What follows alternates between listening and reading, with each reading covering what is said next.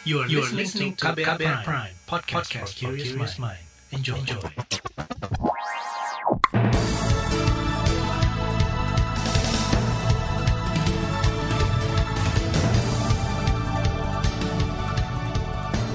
Selamat pagi saudara, senang sekali kami bisa menjumpai Anda kembali melalui program Buletin Pagi edisi Selasa 15 Juni 2021. Saya Naomi Liandra. Kami telah menyiapkan sejumlah informasi pilihan di antaranya. Pemerintah perpanjang PPKM Mikro dengan pengetatan aktivitas warga. KPK belum pasti penuhi panggilan Komnas HAM hari ini. Polisi buka hasil otopsi sementara Wakil Bupati Sangihe. Inilah Buletin Pagi selengkapnya. Terbaru di Buletin Pagi. Pemerintah kembali memperpanjang pemberlakuan pembatasan kegiatan masyarakat atau PPKM skala mikro mulai hari ini hingga 28 Juni mendatang. Menteri Koordinator Bidang Perekonomian sekaligus Ketua Komisi Penanganan COVID-19 dan Pemulihan Ekonomi Nasional KPCPEN Airlangga Hartarto mengatakan, perpanjangan tersebut didasari lonjakan kasus aktif COVID-19 di sejumlah daerah, seperti Jawa Barat, Jawa Tengah, dan DKI Jakarta. Pada perpanjangan PPKM Mikro jilid 10 ini, pemerintah membatasi aktivitas kerja masyarakat terutama di zona merah, termasuk memperbanyak kerja dari rumah. Ini untuk daerah zona merah, work from home-nya 75 persen. Jadi untuk daerah-daerah berbasis PPKM mikro merah, itu kantornya 25 persen, namun kantor itu harus digilir. Artinya 25 persen itu bukan mereka yang itu-itu saja tetapi harus diputar sehingga meyakinkan bahwa yang work from office itu bergantian dan memastikan bahwa pekerjaannya itu adalah standby di tempat mereka bekerja masing-masing. Kemudian kalau yang di daerah oranye atau kuning, WFO dan WFH-nya 50 persen. Ketua Komisi Penanganan COVID-19 dan Pemulihan Ekonomi Nasional KPCPEN Erlangga Hartarto menambahkan, di zona merah kegiatan belajar mengajar digelar secara daring dan tempat-tempat ibadah ditutup sementara selama dua pekan. Sedangkan pusat perbelanjaan maupun restoran harus tutup pukul 21 malam dengan kapasitas maksimal 50 persen. Presiden Joko Widodo menginstruksikan Gubernur DKI Jakarta Anies Baswedan untuk mempercepat vaksinasi. Ia menargetkan 7,5 juta penduduk di Jakarta harus sudah divaksin pada akhir Agustus. Mulai kemarin vaksinasi COVID-19 sudah dibuka untuk masyarakat umum. Karena kita ingin mengejar herd immunity, kekebalan komunal, dan kita harapkan dengan jumlah yang tadi sudah kita targetkan uh, di bulan Agustus nanti sudah bisa mencapai kekebalan komunal dan kita harapkan penyebaran COVID di DKI Jakarta bisa kita hambat dan kita kurangi. Sementara itu, guna mencegah lonjakan kasus di ibu kota, pemerintah Provinsi DKI Jakarta bakal menggencarkan operasi justisi. Hal ini untuk meningkatkan kedisiplinan masyarakat dalam pelaksanaan PPKM Mikro. Gubernur DKI Jakarta Anies Baswedan mengatakan, masyarakat yang abai akan menyebabkan Jakarta memasuki fase genting. Mulai malam hari ini, kita semua bekerja lebih masif, meningkatkan jumlah aktivitas operasi, memastikan semua titik-titik yang belakangan ini menjadi tempat berkerumun, tempat berkegiatan, ditertibkan seluruh operasi harus mengikuti jam operasi yang telah ditentukan di dalam peraturan gubernur yang setiap dua minggu kita lakukan perpanjangan. Harap ini dilaksanakan dengan sebaik-baiknya, jalankan dengan sepenuh hati, jalankan dengan komitmen tinggi, Gubernur DKI Jakarta Anies Baswedan mengatakan kasus positif di ibu kota meningkat 50 persen dalam sepekan terakhir dari 11.500 orang menjadi 17.400 orang. Tingkat rata-rata positif meningkat hampir dua kali lipat dari 9 persen menjadi 17 persen. Malam tadi dikabarkan Gubernur Anies membahas aturan PPKM Mikro khusus untuk wilayah Jakarta bersama Ketua Komite Penanganan COVID-19 dan Pemulihan Ekonomi Nasional Airlangga Hartarto. Kementerian Kesehatan menyebut varian virus COVID-19 asal India mulai mendominasi penyebab terjadinya lonjakan kasus positif di sejumlah daerah. Menteri Kesehatan Budi Gunadi Sadikin mengatakan varian Delta dari mutasi virus asal India sudah terkonfirmasi di Kudus, Jawa Tengah, Bangkalan, Jawa Timur, dan DKI Jakarta. Budi mengatakan kondisi ini telah dilaporkan ke Presiden Joko Widodo. Kami sedikit menambahkan, melaporkan juga ke beliau kenapa ini penting. Karena beberapa daerah seperti Kudus, kemudian DKI Jakarta, dan juga di Bangkalan memang sudah terkonfirmasi varian deltanya atau B1617.2 atau juga varian dari India mendominasi. Karena ini penularannya lebih cepat, walaupun tidak lebih mematikan, ini perlu benar-benar kedua hal tadi dipercepat atau diperhatikan implementasi di lapangan, dan juga akselerasi vaksinasi. Menteri Kesehatan Budi Gunadi Sadikin mengatakan menanggapi kondisi itu Presiden Joko Widodo meminta program vaksinasi COVID-19 dipercepat agar bisa menyentuh 700 ribu per hari di bulan ini dan mencapai 1 juta per hari pada bulan depan. Presiden Jokowi juga menugaskan TNI dan Polri membantu mempercepat pelaksanaan vaksinasi. Perpanjangan pemberlakuan pembatasan kegiatan masyarakat atau PPKM skala mikro ke-10 dinilai tidak akan efektif jika tidak disertai penegakan aturan dan sanksi yang berkekuatan hukum bagi para pelanggar. Epidemiolog dari Universitas Indonesia Triunis Miko Wahyono mengatakan, alih-alih menggunakan peraturan gubernur, pemerintah mestinya membuat peraturan pemerintah atau PP tentang sanksi pelanggaran PPKM Mikro sebagai dasar hukum yang lebih kuat dan tegas. Jadi sekarang pemerintah tidak merasa dia sedang berperang dengan musuh yang berbeda begitu. Menurut saya pemerintah masih konvensional, masih begitu-begitu saja, tidak sedang berperang ganas begitu. Seharusnya kalau berperang dengan musuh yang ganas, eh, ada deklarasi dari uh, pemimpin bangsa ini. Entah siapa tahulah apakah itu ketua BNPB, apakah presidennya langsung turun tangan Epidemiolog Universitas Indonesia Tri Yunis Miko Wahyono menambahkan kebijakan penanganan COVID-19 juga harus mengantisipasi sebaran mutasi virus COVID-19 varian baru. Saudara, DPR mendesak Kejaksaan Agung mengusut dugaan kasus skandal penggelapan impor emas senilai 47 triliun di Bea Cukai. Tetaplah di Buletin Pagi KBR. You're listening to KBR Pride, podcast for curious mind. Enjoy!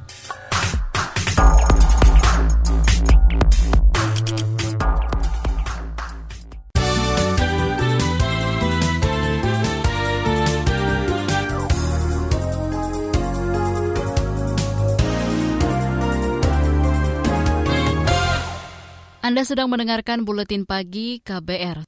Pimpinan Komisi Pemberantasan Korupsi atau KPK belum dapat memastikan memenuhi panggilan kedua dari Komisi Nasional Hak Asasi Manusia atau Komnas HAM pada Selasa hari ini. Pemanggilan itu untuk meminta klarifikasi pimpinan KPK mengenai laporan dugaan pelanggaran HAM dari pegawai yang dirugikan akibat tes wawasan kebangsaan. Juri bicara KPK Ali Fikri menjelaskan bahwa pihaknya masih mempelajari surat jawaban dari Komnas HAM. Karena begini, kenapa kemudian kami bertanya lanjut kepada Komnas HAM adalah untuk memastikan bahwa kami akan memberikan penjelasan seperti apa ya, terkait dengan adanya dugaan pelanggaran HAM oleh Komnas uh, oleh Komnas HAM yang disampaikan kepada kami begitu sehingga kebutuhan terhadap data dan informasi yang diperlukan kan supaya jelas gitu. Nah, ini kemudian uh, nanti perkembangannya besok kami sampaikan lebih lanjut ya seperti apa uh, dari tim tentunya dari KPK sedang mempelajari itu ya. Oke. Okay. Itu tadi juri bicara KPK Ali Fikri. Di sisi lain, Komisioner Komnas HAM Hoirul Anam menegaskan panggilan kedua terhadap pimpinan KPK itu dimaksudkan agar para pimpinan dapat mengklarifikasi sejumlah hal yang dipersoalkan para pegawai KPK yang tidak lolos tes. Klarifikasi diperlukan agar polemik itu bisa segera terang benderang. Meski begitu, Komnas HAM tidak akan melakukan upaya jemput paksa apabila pimpinan KPK kembali mangkir untuk kedua kalinya.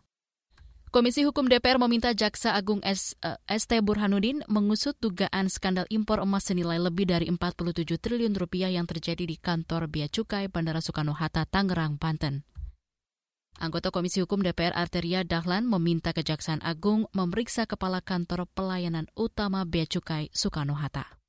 Ada indikasi ini perbuatan manipulasi, Pak. Pemalsuan, menginformasikan hal yang tidak benar. Sehingga produk tidak dikenai bea impor. Produk tidak dikenai pajak penghasilan impor, Pak. Potensi kerugian negaranya, Pak, 2,9 triliun. Ini bukan uang kecil, Pak, di saat kita lagi susah, Pak. Modusnya apa? Modusnya adalah impor emas 47,1 triliun dengan mempergunakan HS.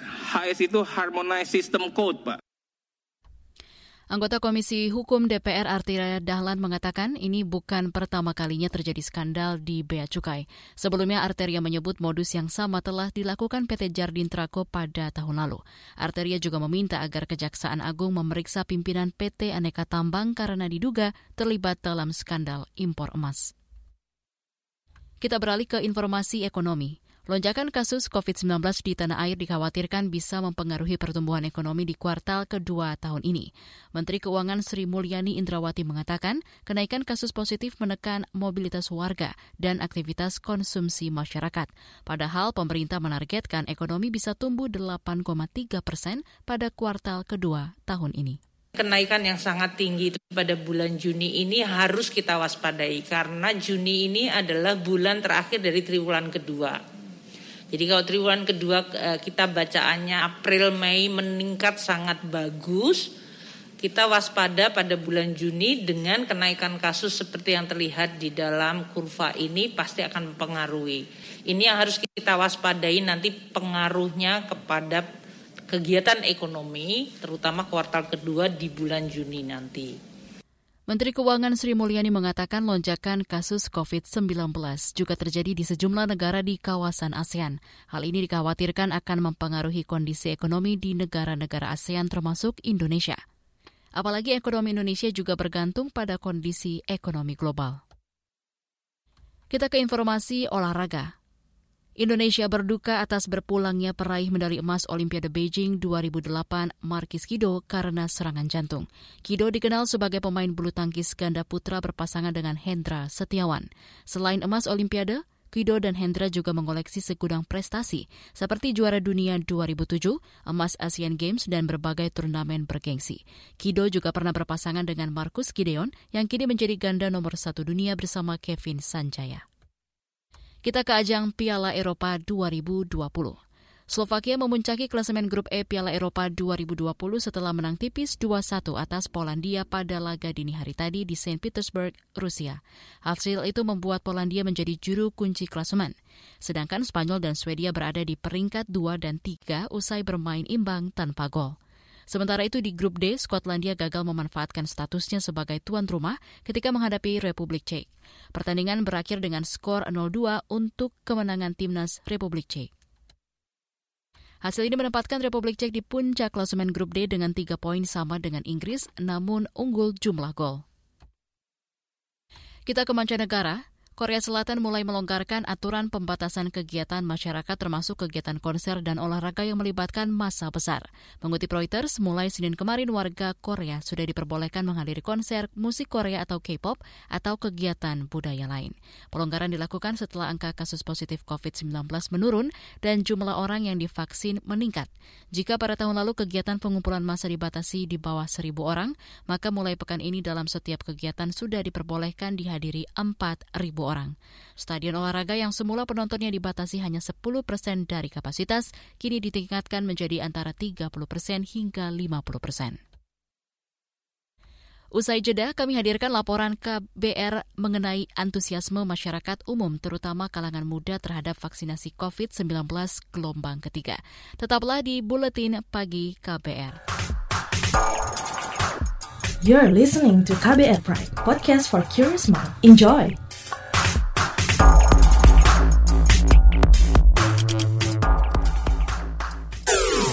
Commercial break.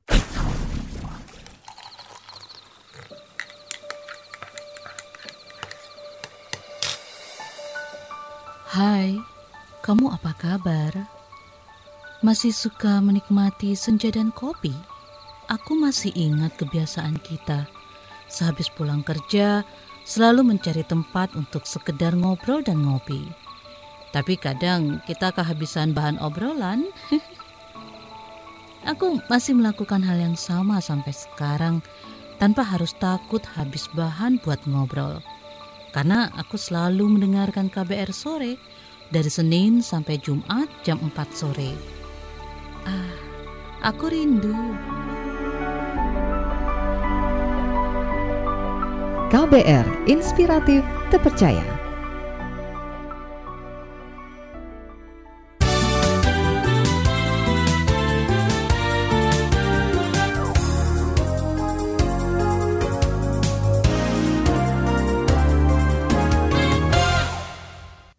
Anda masih bersama kami di Buletin Pagi KBR. Pemerintah rencananya menggelar program vaksinasi COVID-19 untuk masyarakat umum pada Juli mendatang. Namun di beberapa daerah kegiatan ini dipercepat termasuk DKI Jakarta dan Bali. Bagaimana antusiasme masyarakat khususnya generasi muda menyukseskan program vaksinasi nasional? Berikut laporan disusun jurnalis KBR Astri Yuwanasari ikut menyukseskan program pemerintah aja toh nggak ada salahnya gitu kita melakukan vaksin. Kan umur di tangan Tuhan. Itu tadi Junelia Novi seorang mahasiswi di Jakarta. Junelia sangat antusias setelah tahu pemerintah memberi izin pelaksanaan vaksinasi tahap ketiga untuk masyarakat umum di ibu kota. Ia lantas mendatangi rumah sakit yang membuka pelayanan vaksinasi untuk masyarakat umum daftar dapat WA dari orang tua katanya di RS Kemayoran Flu itu bisa yang di samping Wisma Atlet. Terus ya udah dapet link Google Form terus daftar, terus besokannya langsung pergi ke tanggal 11 kayaknya tuh langsung pergi ke RS Kemayorannya. Terus pas di sana ternyata gak harus daftar lewat di form, langsung aja gue fotokopi KTP, langsung daftar, terus isi-isi data, tunggu dipanggil, langsung vaksin deh. Sebelumnya, ia mengaku kurang mendapatkan informasi mengenai pelaksanaan vaksinasi untuk masyarakat umum seperti dirinya. Karena masih hitungannya kategori usia 18 plus, terus kita belum kerja, jadi nggak dapat dari perusahaan, nggak, nggak masuk sektor-sektor yang diprioritaskan. Jadi bingung banget harus uh, daftar ke mana. Udah datang ke salah satu RS, ternyata harus yang bawa dua lansia baru bisa dapat satu anak muda. Atau yang harus 50 plus doang. Jadi kayak kurang aja sih sosialisasinya untuk yang 18 plus. Meski masih 21 tahun dan bukan kelompok yang diprioritaskan, Junelia tetap ingin menyukseskan program vaksinasi dari pemerintah untuk menciptakan kekebalan kelompok di Indonesia. Ia pun tak khawatir dengan banyak kabar beredar tentang kejadian ikutan pasca imunisasi atau KIPI, terutama dari vaksin produksi AstraZeneca yang ia terima. Junelia berharap sosialisasi vaksinasi untuk masyarakat umum usia 18 sampai 59 tahun bisa dilakukan lebih masif dengan media yang mudah dijangkau untuk anak muda seperti dirinya. Ya, semoga sosialisasinya lebih mantap lagi, misalnya lewat Instagram atau lewat mana pun yang bisa dijangkau sama kategori usia 18 plus ke atas. Soalnya benar-benar gak ada penjelasan apa pun dari Pak RT juga gak ada yang ngomong ke kita gitu soal kategori anak muda. Terus ya dia lebih dijelaskin lagi lah apa perbedaan Sinovac dan AstraZeneca karena banyak banget dari teman-teman aku yang masih nanya, Jun di situ ada Sinovac gak sih? Aku sampai bingung kenapa orang lebih milih Sinovac daripada AstraZeneca. Gitu. Berbeda dengan Junelia, Davin yang tinggal di Denpasar, Bali, hanya perlu mendatangi fasilitas layanan vaksinasi drive-thru di kotanya. Davin sudah mendapatkan vaksinasi dosis pertama pada 21 April dan dosis kedua pada 19 Mei lalu eh, ya biar biar aman aja sih biar lebih ini aja kayak jaga-jaga aja biar nggak kena itu biar aman gitu ya kalau kayak pelayanan waktu proses vaksinasinya sih udah bagus sih udah itu jelas sekali terus dibimbing terus dari awal sampai akhirnya. Cuman kalau untuk ya itu udah balik lagi sih mungkin kayak untuk stoknya agak dibanyain soalnya ada beberapa orang itu yang pengen vaksin tapi waktu sampai di sana nggak dapet kan agak kecewa ya jadi Dimulainya vaksinasi tahap ketiga bagi masyarakat di daerah prioritas seperti Jakarta dan Bali ini untuk mengejar target vaksinasi pemerintah, yaitu menjangkau 70 persen atau 181,5 juta penduduk di tanah air. Juru bicara vaksinasi COVID-19 dari Kementerian Kesehatan Siti Nadia Tarmizi membenarkan vaksinasi masyarakat umum kelompok usia 18 sampai 59 tahun telah dimulai di beberapa daerah. Syaratnya, kata dia, capaian vaksinasi tahap kedua sudah mencapai lebih dari 50 persen. Ya sudah mulai gitu, hmm. tapi kita tetap uh, ini diminta untuk mengejar uh, lansia dengan guru dan tenaga pendidik sih gitu. Nanti kita lihat kan gimana pun juga vaksinnya terbatas. Jadi mungkin ada daerah-daerah tertentu, tidak semua mungkin artinya kita akan lihat lagi kabupaten kota yang sudah tinggi pencapaian untuk vaksinasi tahap keduanya itu yang akan dimulai lebih dahulu. Tapi kalau daerah-daerah yang masih kecil sekali kabupaten kotanya untuk lansia dan pemberi pelayanan publik ya ini kita tunda dulu mungkin uh, kita minta mereka untuk meningkatkan dulu minimal 50 persen, baru mereka bisa mulai untuk vaksinasi di atas 18 tahun. Nadia menjelaskan pelaksanaan vaksinasi untuk masyarakat umum dilakukan secara bertahap karena ketersediaan vaksin yang terbatas. Jadi pasti e, nanti kita lihat dulu, misalnya kayak di KI yang memang sudah 50 persen ya kan tahap keduanya capaiannya ya itu yang kita akan support gitu ya kan dan hampir semua rata di seluruh kota madya di DKI. Nah tapi kalau kita lihat ke daerah kan bervariasi provinsinya mungkin 30 persen, tapi ada kabupaten kota misalnya Semarang itu tinggi gitu ya, tapi daerah lain masih rendah gitu, Pekalongan mungkin masih rendah. Nah jadi kita akan pilih kabupaten kota mana dulu yang udah bisa mulai. Demikian laporan khas KBR, saya Astri Yuwanasari. Informasi dari berbagai daerah akan hadir usai jeda. Tetaplah bersama Buletin Pagi KBR. You're listening to KBR Pride, podcast for curious mind. Enjoy!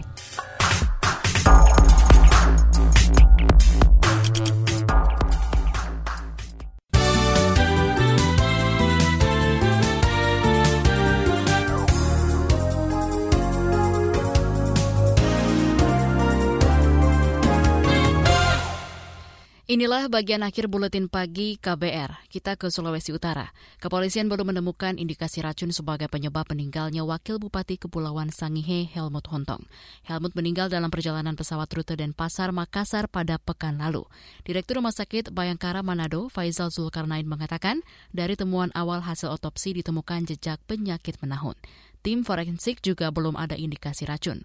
Namun untuk memastikan ada tidaknya racun, tim forensik akan melakukan pemeriksaan lebih lanjut. Pemeriksaan toksikologi akan kami kirimkan ke laboratorium forensik untuk pemeriksaan racun dan bahan-bahan lainnya.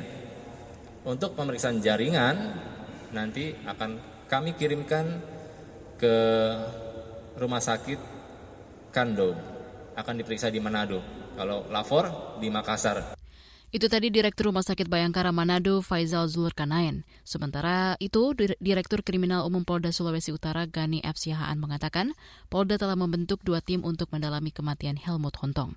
Kalangan aktivis lingkungan mencurigai wakil bupati itu diracun karena selama ini keras menolak izin tambang emas di Sangihe. Beralih ke informasi lain, Kementerian Pariwisata mengklaim Provinsi Bali sudah siap menerima kedatangan wisatawan mancanegara. Meski begitu, Menteri Pariwisata Sandiaga Uno mengatakan pembukaan Bali bagi wisatawan mancanegara masih bergantung perkembangan kondisi pandemi COVID-19. Pembukaan pariwisata Bali kita terus siapkan seperti yang saya laporkan pemenuhan dari prakondusif dan kami melakukan rapat koordinasi di Bali beberapa hari yang lalu dan hasilnya ini akan kami bawa pada rapat tingkat menteri dan tentunya ada beberapa catatan yang terus kita lengkapi agar persiapan pembukaan Bali ini bisa kita lakukan dengan penuh percaya diri, penuh keyakinan. Menteri Pariwisata dan Ekonomi Kreatif Sandiaga Uno menambahkan persiapan pembukaan wisata di Bali masih terus dilakukan. Dia berharap kasus COVID-19 mengalami penurunan baik di tingkat nasional maupun di global. Kita ke Jawa Tengah. Pandemi COVID-19 menyebabkan angka kemiskinan di Kabupaten Cilacap melonjak. Kepala Bidang Pemerintahan dan Kesejahteraan Rakyat Bapeda Cilacap Amin Muhtada mengatakan, angka kemiskinan di wilayah itu pada 2020 sebesar 11,46 persen atau naik 0,73 persen dibanding tahun sebelumnya. Jumlah warga miskin meningkat menjadi hampir 200 ribu orang. Di tahun 2020 kan kemiskinan Kabupaten Cilacap itu mengalami peningkatan dari yang tadinya di tahun 2019 kan kita sudah di posisi 10,73 persen di tahun 2019, eh, tapi di tahun 2020 ya karena pandemi tidak hanya Cilacap sih sebenarnya kemiskinan kemudian meningkat menjadi 11,46 persen.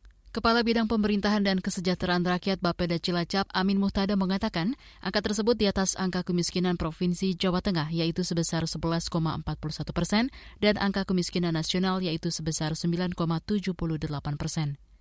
Dampak pandemi berimbas ke berbagai sektor, terutama pertanian dan perikanan yang merupakan mayoritas pekerjaan warga Cilacap. Informasi tadi menutup jumpa kita di Buletin Pagi hari ini. Pantau juga informasi terbaru melalui kabar baru situs kbr.id, Twitter kami di akun @beritaKBR, serta podcast di alamat kbrprime.id. Akhirnya saya, Naomi Liandra bersama tim yang bertugas, undur diri. Salam.